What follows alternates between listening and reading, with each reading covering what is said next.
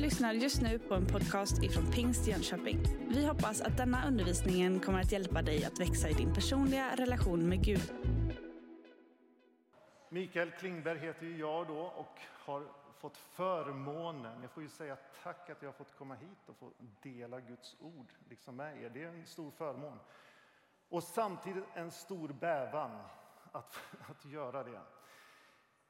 Jag vet inte om ni kommer ihåg vad ni gjorde för 14 133 dagar sedan. Har ni koll på det? En del av er ni var inte födda. Andra av er ni var nog här, skulle jag tro. Eller jag var här i alla fall. För det var cirka så här 39 år sedan. Då kom jag och sen satt jag på den där, jag tror jag satt på de där trapporna där. Jag var 11 år gammal. Och sen klev jag ner i dopvattnet. Och sen så stod pastor Norris Leffler och döpte mig till Kristus. Och jag kommer inte ihåg så jättemycket från den dagen, men en sak kommer jag ihåg och det var, det var att Norris han frågade mig så här. Vill du säga någonting? Men det vill jag inte. Och sen nu så här, 39 år efter så ringer de igen. Vill du säga något? Och man blir lite så här, okej. Okay. nu är jag mogen. Nu har det gått några år. Så att nu så, nu vågar jag. Men jag tänker tillbaka ändå på den, den vandringen liksom som, som man har gjort, 39 år. Och det, det har hänt en hel del saker. Alltså jag är ju äldre än 39, men alltså då, var jag ju, då tog jag emot Jesus på det sättet och jag visade det. Och Det är många saker som har hänt och man kan ju se tillbaka på sitt liv och man kan ju se saker som har betytt mycket, saker som har gett en inspiration och glädje, men också saker som har varit jobbiga och svåra. Så är det med oss alla. Och när jag tänkte på den här dagen, jag tänkte på liksom, vad vill Gud? Gud vad, vad, har du för, vad har du för ord? Så kommer ett ord ifrån Andra Timoteusbrevet.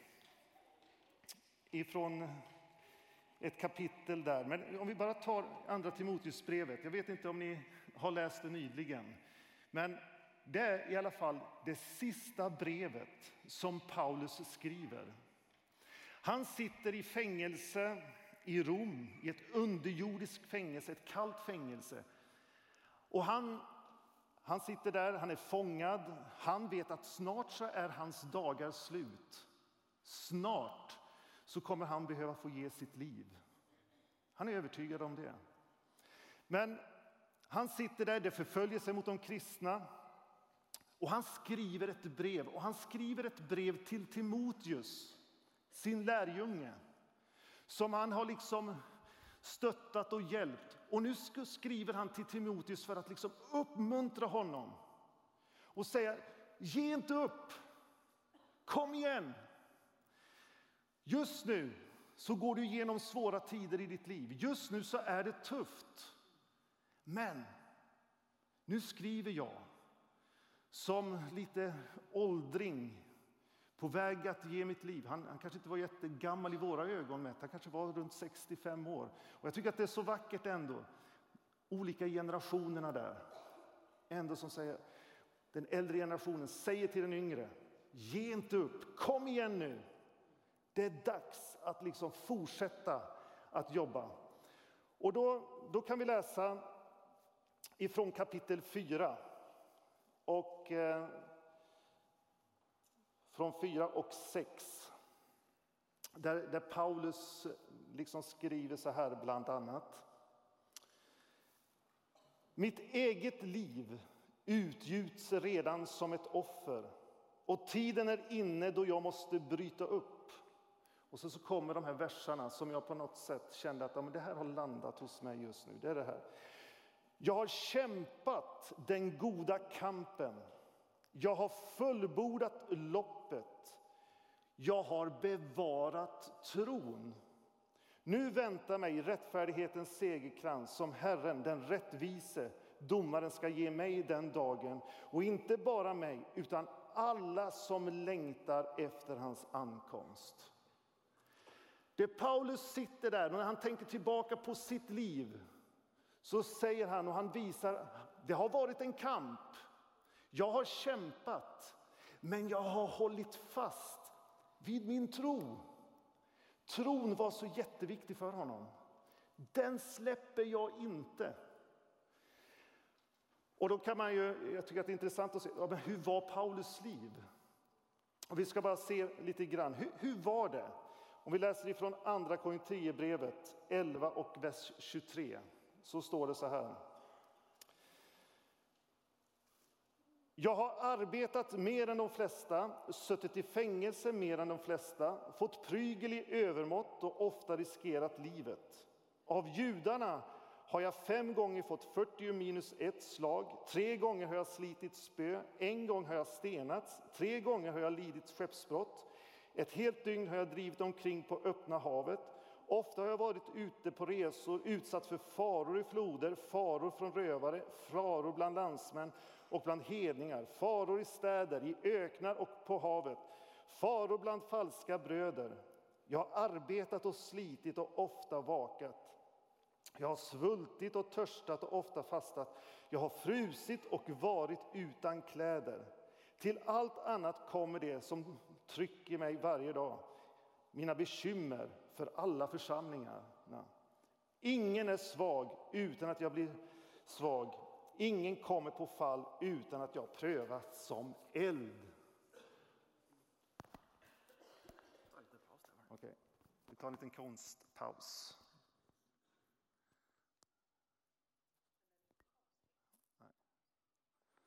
Då är det frågan, har ni hört någonting jag har sagt hittills? Ja, då, okay, bra. Men när jag läser det här så kan man ju tänka sig, varför gav inte karn upp?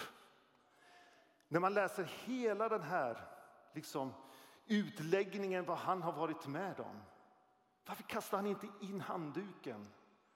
Varför sa han inte att nu får det räcka? Och där har jag börjat fundera, okej, okay, vad var det som gjorde att Paulus inte gav upp? För ni vet ju att våra liv kan också vara, vi kanske inte har suttit i fängelse på det sättet som Paulus har gjort, eller vi kanske inte har lidit skeppsbrott och, och, och så vidare. Men alla har vi vår vandring. Och när livet känns bra, när vi har vind i seglen, då känns det ju ganska härligt. Men sen runt ett hörn så händer det någonting. Livet tar en annan riktning. Det kan vara sjukdom, det kan vara dödsfall i, i närheten. Det kan vara ekonomisk kris. Det kan vara en pandemi. Det kan vara krig och oroligheter i vår värld som vi just nu går igenom. Och då är frågan, vad ska jag göra för att inte ge upp min tro och fortsätta att kämpa? Så därför så är min fråga idag, som jag ska försöka, som jag ställer till mig själv, men som jag också ställer till er där. Hur kan jag fortsätta kämpa den goda kampen, fullborda loppet och bevara tron 2022? Hur kan man göra det? Och då tänker jag så här att Paulus, han har en hel del saker. Och jag tror också att i Bibeln så finns det några saker som man kan hämta. Och det är därför som jag har med mig en låda. Och det är för att jag ska komma ihåg lite grann. Vad är det som är viktigt? Och här har jag börjat fylla på. Ni vet ju att det, 2018 så kom det en skrift när kriget eller krisen kommer. Och eh, den tidskriften den talar om vad man ska samla på sig hemma. Och jag tror att det, ibland så kan det vara bra att fundera på själv. Ja, just det. Sådana här saker kan vara bra ändå, att vara lite klok. Men säger Bibeln någonting om det här? Vad ska jag ha i min låda liksom, hemma för att klara att hålla fast vid tron, kunna kämpa och fullborda mitt lopp? Finns det några saker? Så därför så har jag rent så här söndagsskolsmässigt tagit med mig en låda med saker. Och det är ju alltid spännande att ha saker i en låda, eller hur? Ja. Jag börjar med att ta upp första saken, hörni. Det är otroligt spännande. Vet ni vad det här är? Murslev. Är det någon som använder en sån? Ja, det finns vissa som använder musik. Jag har inte använt det kan jag säga så jättemycket. Även fast jag har stått ansvarig för byggnationer så har jag aldrig använt det. Murslev använder man ju för att bygga.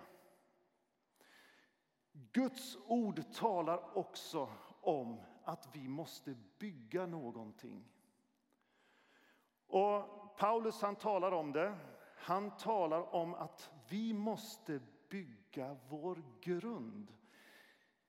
I Första Korinthierbrevet 3 och 10 så säger han så här. Tack vare den nåd Gud har gett mig har jag som en klok byggmästare lagt en grund som någon annan bygger vidare på. Men var och en måste tänka på hur han bygger. Ingen kan lägga en annan grund än den som redan finns och den är Jesus Kristus.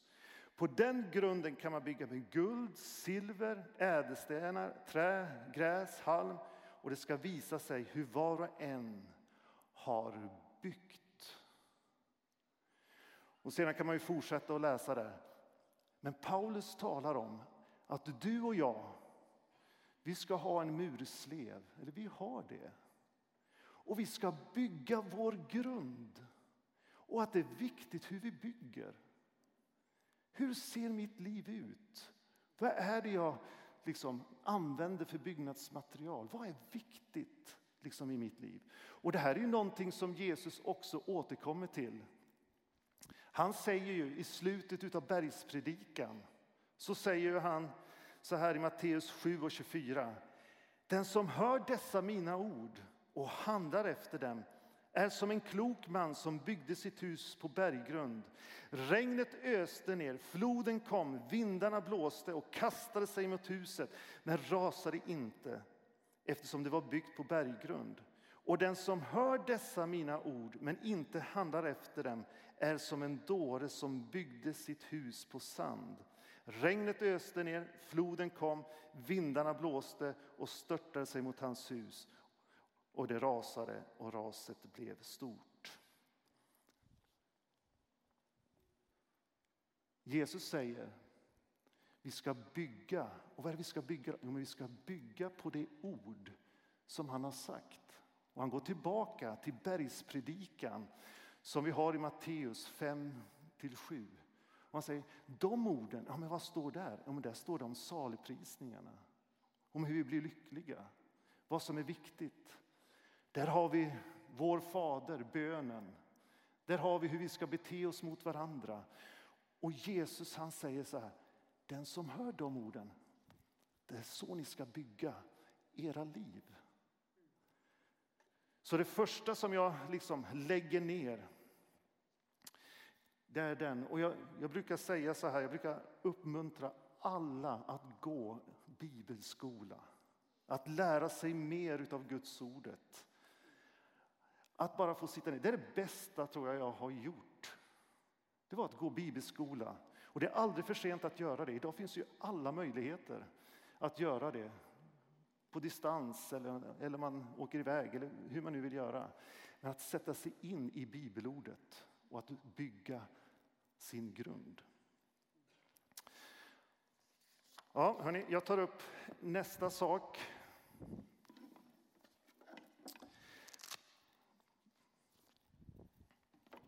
Det här har ni koll på också, lite söndagsskola. Vad är detta? Kikare. Vad gör man med en kikare? Man kikar. Ja, precis. Alltså det är ju om man vill få saker att komma närmare, eller hur? Man ser någonting och så, så vill man att det ska komma nära. Och så är det också i Guds ordet. Ni vet ju att det finns ju så mycket bilder som florerar, alltså ni som använder Instagram och annat. Ni vet ju att varje sekund så laddas det upp tusen bilder. Varje sekund. Och det är bilder som vi ska förhålla oss till, bilder som talar om vad vi ska äta, vad vi ska ha på oss, ja, allt som vi ska göra. Och det här påverkar. Men Bibeln talar om något. Det finns en bild som ska vara så tydlig som det bara går. Och det är bilden utav Jesus. Det här var någonting som Paulus fick uppleva på Damaskusvägen. Han fick ett möte med Jesus som kom att påverka hela hans liv. Så därför så står det, om vi läser Hebreerbrevet 12, 2-3. Och nu säger vi att det här är ett, ett Paulus ord, även fast det inte är liksom bevisat så. Men då står det så här, låt oss ha blicken fäst vid Jesus, trons upphovsman och fullkomnare. För att vinna den glädje som väntar honom uthärdar han korset utan att bry sig om skammen och sitter nu till höger om Guds tron. Tänk på honom som har uthärdat sådan fiendskap från syndare så att ni inte tröttnar och förlorar modet. Vad är det Jesus säger? Okej, okay, livet kan vara tufft, det är vad Paulus säger. Livet kan vara tufft, vi kan förlora modet. Vad ska vi göra då? Vi ska fokusera på Jesus. Så därför så har jag lagt ner kikaren. Jag vet inte om ni hörde ni här om dagen, den stora nyheten att man har sett ett svart hål i vår vintergata. Och liksom man har ju teleskop som är lite bättre än det där. Alltså, och man kan liksom dra liksom till sig liksom information som är, ja, det är ofattbart långt bort. Och jag tänker så här, när Paulus tar sina teleskop och riktar dem mot Jesus, vad ser han då? Det har vi i, i första Kolosserbrevet kapitel 1 och vers 13. Då står det så här. Han har räddat oss ur mörkrets välde och fört oss in i sin älskade Sons rike. Och genom Sonen har vi friköpts och fått förlåtelse för våra synder. Han är den osynlige Gudens avbild, den förstfödde i hela skapelsen.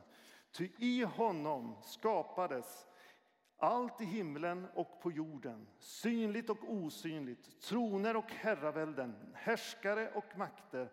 Allt är skapat genom honom och till honom.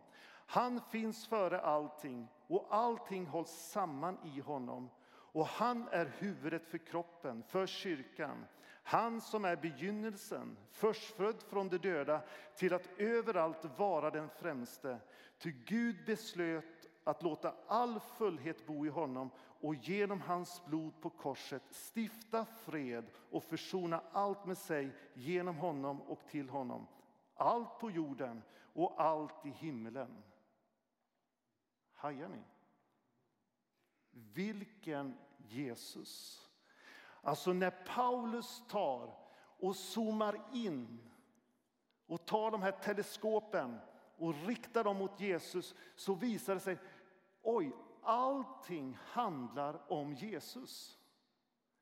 Det finns inget annat. Här är vi fascinerade, och det kanske vi ska vara när vi ser ett svart hål. Men tänk när vi får blicken på Jesus. Då får vi ju han som har skapat Vintergatan. Han som har gjort allt. Så därför, hur ska jag göra för att inte ge upp och tappa taget i mitt liv? Jag behöver bygga grunden. Jag behöver ha ett fokus på Jesus. Nu till nästa sak som, som ni redan har pratat om här rätt mycket. Och när jag tar upp det här, då vet ni vad det handlar om, eller? Har ni en sån här? Den här går att köpa på Ikea för 79 kronor och heter Gestalta. Och jag vet inte om de tänkte på det, om de tänkte på församlingen när de gjorde den här. Men när jag ser på den här så tänker jag på församlingen. Det är ju det som Paulus också talar om. Han talar om att vi tillhör Kristi kropp. Vare sig du vill det eller inte så kan du titta på de som sitter bredvid dig. Att, ja, men ni hör ju faktiskt ihop. Alltså, vi, vi behöver varandra. Och Paulus han är ju noga med detta. Han säger ja, men vi, vi sitter ihop som en enda kropp. Och därför så är församlingen så viktig för Paulus. Och i varje brev så tackar han Gud för församlingen. Att vi behöver, jag behöver er. Och du behöver mig. Jag behöver komma hit på gudstjänst. Jag klarar mig inte själv. Jag behöver få lovsjunga, jag behöver få finnas i ett sammanhang. Vi behöver alla församlingar och det är därför som, som jag, jag är här idag kanske då. Vi samarbetar som församlingar. För vi behöver varandra. Vi behöver finnas i ett sammanhang där Kristus är huvudet och där ni är delarna. Och han säger som är till för varandra. Och ni har olika gåvor, ni har olika styrkor. Och därför så talar Paulus mycket om det. Att vi är en församling och att vi behöver varandra. Och man kan ju prata mycket om detta med församling. Eh, och om anden som han också talar om. Att var och en har fått en nådegåva från Herren. Ni som stod här, jag vill bara gratulera er till att ni har gått med i en församling.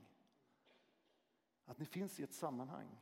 Och du som längtar efter det, det finns alla möjligheter att också vara med i en gemenskap. Vi behöver det. Varför behöver vi det? Så att vi inte tappar modet och att vi orkar fortsätta. Ja, hörni. Han har ju väldigt många saker i sin låda, kanske någon tänker. Men jag, jag tog med ett vedträ, för jag, jag, jag, vet inte, jag hade lite dålig fantasi. Men det här får stå för goda vanor. Och då tänker jag, hur får han ihop det här? Ett vedträ. Men då tänker jag på, på min mamma. Nu, nu, vet jag inte om hon sitter här. Jo, men hon är här. Och jag tror att jag får berätta det här. Det är jag helt övertygad om. Hon får säga till mig annars. Hon växte upp i Västerbotten i ett enkelt hem. Och hon har berättat för mig att hon låg i köket i, i soffan där, det var där hon sov. Och så, så brukar hon berätta att på morgonen så vaknade hon av att hennes pappa, min morfar då, gick upp tände eld i spisen och böjde knä och bad. Den bilden, den glömmer hon aldrig. Den finns kvar där. Alltså som en god vana som han gjorde. Det här bara inte spred liksom värme i huset utan det satte ju också liksom ett exempel för min mamma som hon tog med sig in i sitt liv och som hon har påverkat min familj. Ja, det finns ju faktiskt vissa goda vanor för att vi inte ska släppa taget. För att vi ska kunna fullborda vårt lopp och för att vi ska kunna bevara tron. Och en av dem det är ett vedträ i öppna spisen och böjda knän. När vi lever på det sättet och har de här goda vanorna Och någon som sa en vana får man när man har gjort dem 33 gånger. Pröva 33 dagar och ta fram ditt vedträ. Och det gör vi på många olika sätt. Men jag tror att vi behöver uppmuntra varandra i den här tiden som vi lever i. Att börja plocka upp de här träna och säga ja, men jag vill söka Gud. Jag vill be. Och precis som Beatrice sa, idag så lever vi i en värld som är så orolig. Och de säger be för oss, det är dags. Plocka upp ditt vedträ, sprid värme och böj knä. Och det kan vi göra i vår ensamhet, men jag tror också att vi behöver upptäcka det i våra gemensamma samlingar också. Det är bönemöte. Vi sätter in vedträ tillsammans och vi ber. Att odla de goda vanorna. Be ständigt, säger ju Paulus. Det är ju den kortaste versen som vi har i Bibeln. Ja, hörni, jag snabbar på här, snart färdigt. Något annat som jag har lagt ner, det är vännerspelet. Jag tycker att det är så bra. Jag vet inte om ni har ett vännerspel, men Paulus, när han skriver det här brevet så talar han också om många tar han upp många namn. Han, tar dem som, han säger bland annat många har vänt mig i ryggen. Alla i Asien. Men så, så finns det några vänner som ändå finns nära honom och som har varit med och korrigerat honom. Vi behöver odla goda vänner också idag. Vi behöver ta det här, det här är ett jättebra spel som inte handlar om att man vinner, men bland annat Eh, ja, vi kanske inte ska läsa dem. Men i alla fall så är det saker som gör att vi lär känna varandra och att vi kommer på djupet. Skaffa ett vännerspel, alltså börja odla goda relationer med människor runt omkring. Vi behöver det. Vi behöver vänner. Vi behöver också, och jag tror också i tider av pandemi och annat så har det här det har påverkat oss, våra vänner. Alltså det kan börja skava lite grann. Vi behöver bjuda in. Jag, brukar, jag sa det till, till min fru här om dagen att, ja, men att bjuda in vänner det är som att släppa in syre i vår familj. Att det kommer in lite annat och att vi kan göra det på, på många olika sätt. Och då, då har vi, det ligger lite i linje med det också. Att sätta upp välkommen-skylten hemma. Att bjuda in människor i vår gemenskap. Och det, det säger också Paulus. Han, han säger ju i Romarbrevet 12 och 13. Hjälp Guds heliga med, med vad de behöver. Vinnlägg er om gästfrihet. Att se till att vara gästfria. Och I ett annat sammanhang så talar han också om att det kan hända att det har varit änglar som har varit på besök när ni har bjudit hem någon. Och jag tänker så här, vad kan det betyda för mig att vara gästfri? Ja, men det kanske kan betyda att jag bjuder hem ungdomsgänget hem till mig. De får stanna ganska sent. Eller det kan vara att jag funderar på, har jag plats för ett extra barn? Eller har vi plats för ett extra barn i vår familj? Idag så ropar socialtjänsten efter hem som kan ta emot barn som behöver en trygghet. Idag, för att vi ska orka och kämpa, så behöver vi också hänga upp välkommen. Välkommen in. Välkommen in min granne på en kopp kaffe. Alltså, vad betyder det för mig? Välkommen-skylten. Jag har lagt ner också en första hjälpen-låda. Och den har mycket med det som vi håller på också med i Celebrate Recovery just nu. Alltså, på den här vandringen, jag sa att sedan dopet så har det gått 39 år och jag är snart uppe i mina 50. Och det händer saker på vägen. Alltså vi, vi drabbas utav sår och varje litet sår som vi upptäcker behöver tas om hand om. När jag var barn så gick jag på svensk skola i Tanzania, långt ute i bushen. Och där sprang vi barfota och där slog vi i våra tår. Och vi fick sår och sedan på kvällen då fick vi gå till husmor och det var en lång kö till husmor som baddade såren. Varför gjorde hon det? För annars så skulle det bli infekterat. Annars så skulle det bli varigt. Var och en av oss, vi har sår på många olika sätt som vi har fått i livet. Och där så kan vi få ta hand om dem. Och det, det gör vi de här onsdagarna som, som Beatrice nämnde här också om. Då vi träffas, där vi talar, där vi liksom på något sätt ja, men ser, okej, okay, livet, det blir inte alltid som man har tänkt sig. Eller varför beter jag mig på det här sättet? Varför är jag så här? Varför, vad är det som händer i mitt liv? Och där får vi hjälpa varandra. Varför? Jo, för att vi inte ska släppa taget, för att vi ska orka och för att vi ska fullborda vårt lopp. Paulus, det här var sista saken, hörni. Han är ju också i första Korinthierbrev 13 är han känd för, för kärleken. I allt så ska vi också ha kärlek där vi går fram. Idag behövs det så mycket kärlek och värme.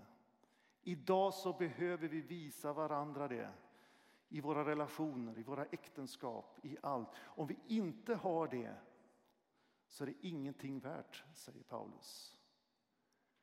Om vi har allt och vi kan allt och vi gör allt perfekt men saknar kärlek så är det ingenting vunnet. Tillbaka till frågan som jag ställde. Liksom, hur kan jag fortsätta att kämpa den goda kampen? Hur kan jag fullborda loppet? Hur kan jag bevara tron? Bygg en säker grund. Håll ett fokus. Var med i en församling. Lev välkomnande med vänner. Ha blicken fäst på Jesus. Ta hand om dina sår som uppstår och låt kärleken överflöda i ditt liv. Vi behöver varandra. Och på något sätt så är det, tycker jag, ett rop från Paulus i den här tiden. Alltså ge inte upp nu hörni. Det är dags att vi kommer samman, att vi tar det här på allvar och bygger tron, fokuserar Jesus och hjälper varandra. Och det är liksom budskapet. Och jag tänker avsluta här nu bara med det han skriver i det sista. Paulus han avslutar också sitt brev med de sista orden så här. Nåd åt er alla. Det är liksom det, när han lägger ner sin penna, när han har skrivit sitt sista brev till Timoteus och sagt hallå, kom igen, så är det nåd överallt. Och det, det finns ju en sång en gammal sång där just den strofen återkommer. Det enda jag vet är att nåden räcker. Att Kristi blod min synd, min skuld betäcker. Det enda jag har att lita till en gång, det är Guds nåd. Guds gränslösa nåd. Så låt oss fortsätta, jobba, inte ge upp. Allt är bara nåd. Vi är tillsammans, hörni. Och jag vill bara avsluta med en bön och be för dig som just nu känner att grunden den, den är lite ostabil. Blicken den på Jesus den är, den är lite suddig. Jag bär på sår i mitt liv som jag behöver hjälp med.